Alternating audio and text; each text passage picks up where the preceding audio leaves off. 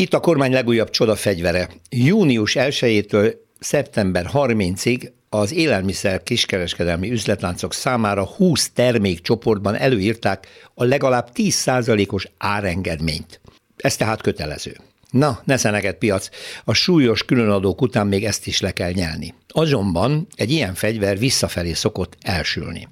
A kötelező árcsökkentés miatti veszteséget a kereskedők nyilván más áruk drágításával fogják kiegyenlíteni.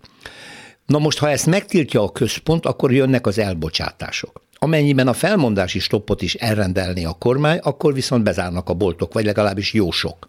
Nyilván az ilyen lépések hatásaival az okos kormánytagok tisztában vannak, legfeljebb erről egyelőre nem mennek beszélni.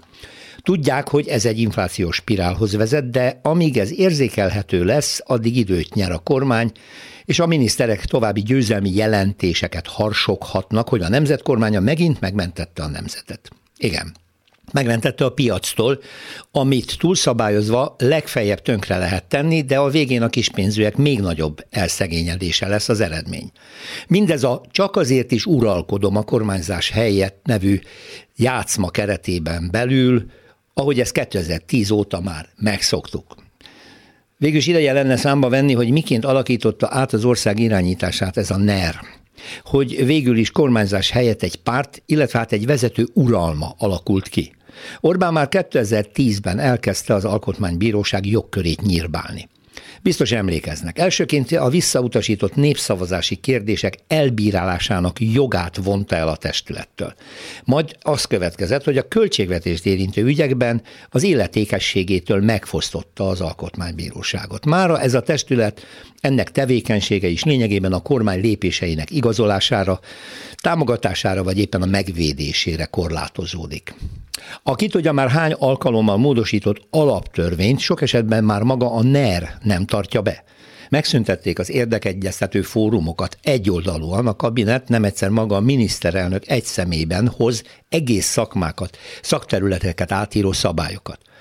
Ha valamely civil szervezet vagy szakmai szervezet vitatni merészeli a kormány lépéseit, akkor egyszerűen jön az ignorálásuk vagy a jogköreik további megnyírbálása, tehát a bosszú.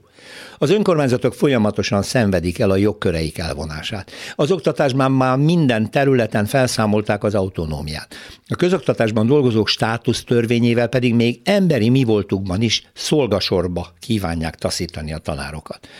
Nemrég az orvosi kamara kapott egy kormányzati gyomrost, mivel következetesen szembehelyezkedett az egészségügyi szolgálatok központi terveivel a kézi irányítási ügyeleti rendszerrel, válaszként a kormány eltörölte az orvosok kötelező kamarai tagságát. Az igaz, hogy néhány hét alatt az orvosok döntő többsége visszalépett, mert elemi érdekük, hogy együtt őrizzék a szakma színvonalát, tisztaságát, becsületét, hogy kamarai tagság nélkül mégse árasszák el a kuruzslók, dilettáns karrieristák az egészségügyet. Ez csak a kormánynak nem fontos. Végen láthatatlan a sora azoknak a jogfosztásoknak, amelyek révén a kormány minden lényeges területen és kérdésben uralkodói helyzetbe hozta magát.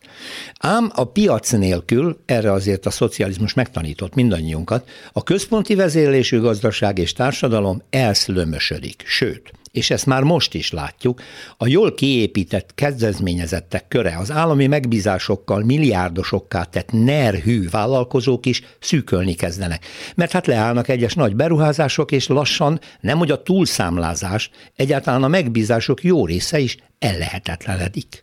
Ez a központi piac és demokrácia ellenes fegyverzet tehát előbb-utóbb visszafelé fog elsülni. A kormány vagy rálép a konszolidáció az együttműködések terepére, vagy be fog zárulni a kör. Se pénz, sem működő nemzetközi kapcsolatok, viszont egyre fogyatkozó társadalmi bázis lesz az eredmény. Már látjuk, az 5 milliárdos EU szankció ellenes médiakampány ellenére a legújabb közvéleménykutatás azt mutatja, az inflációért, a gazdasági recesszióért a többség már nem a szankciókat, nem a háborút és nem Brüsszelt, hanem a magyar kormányt okolja.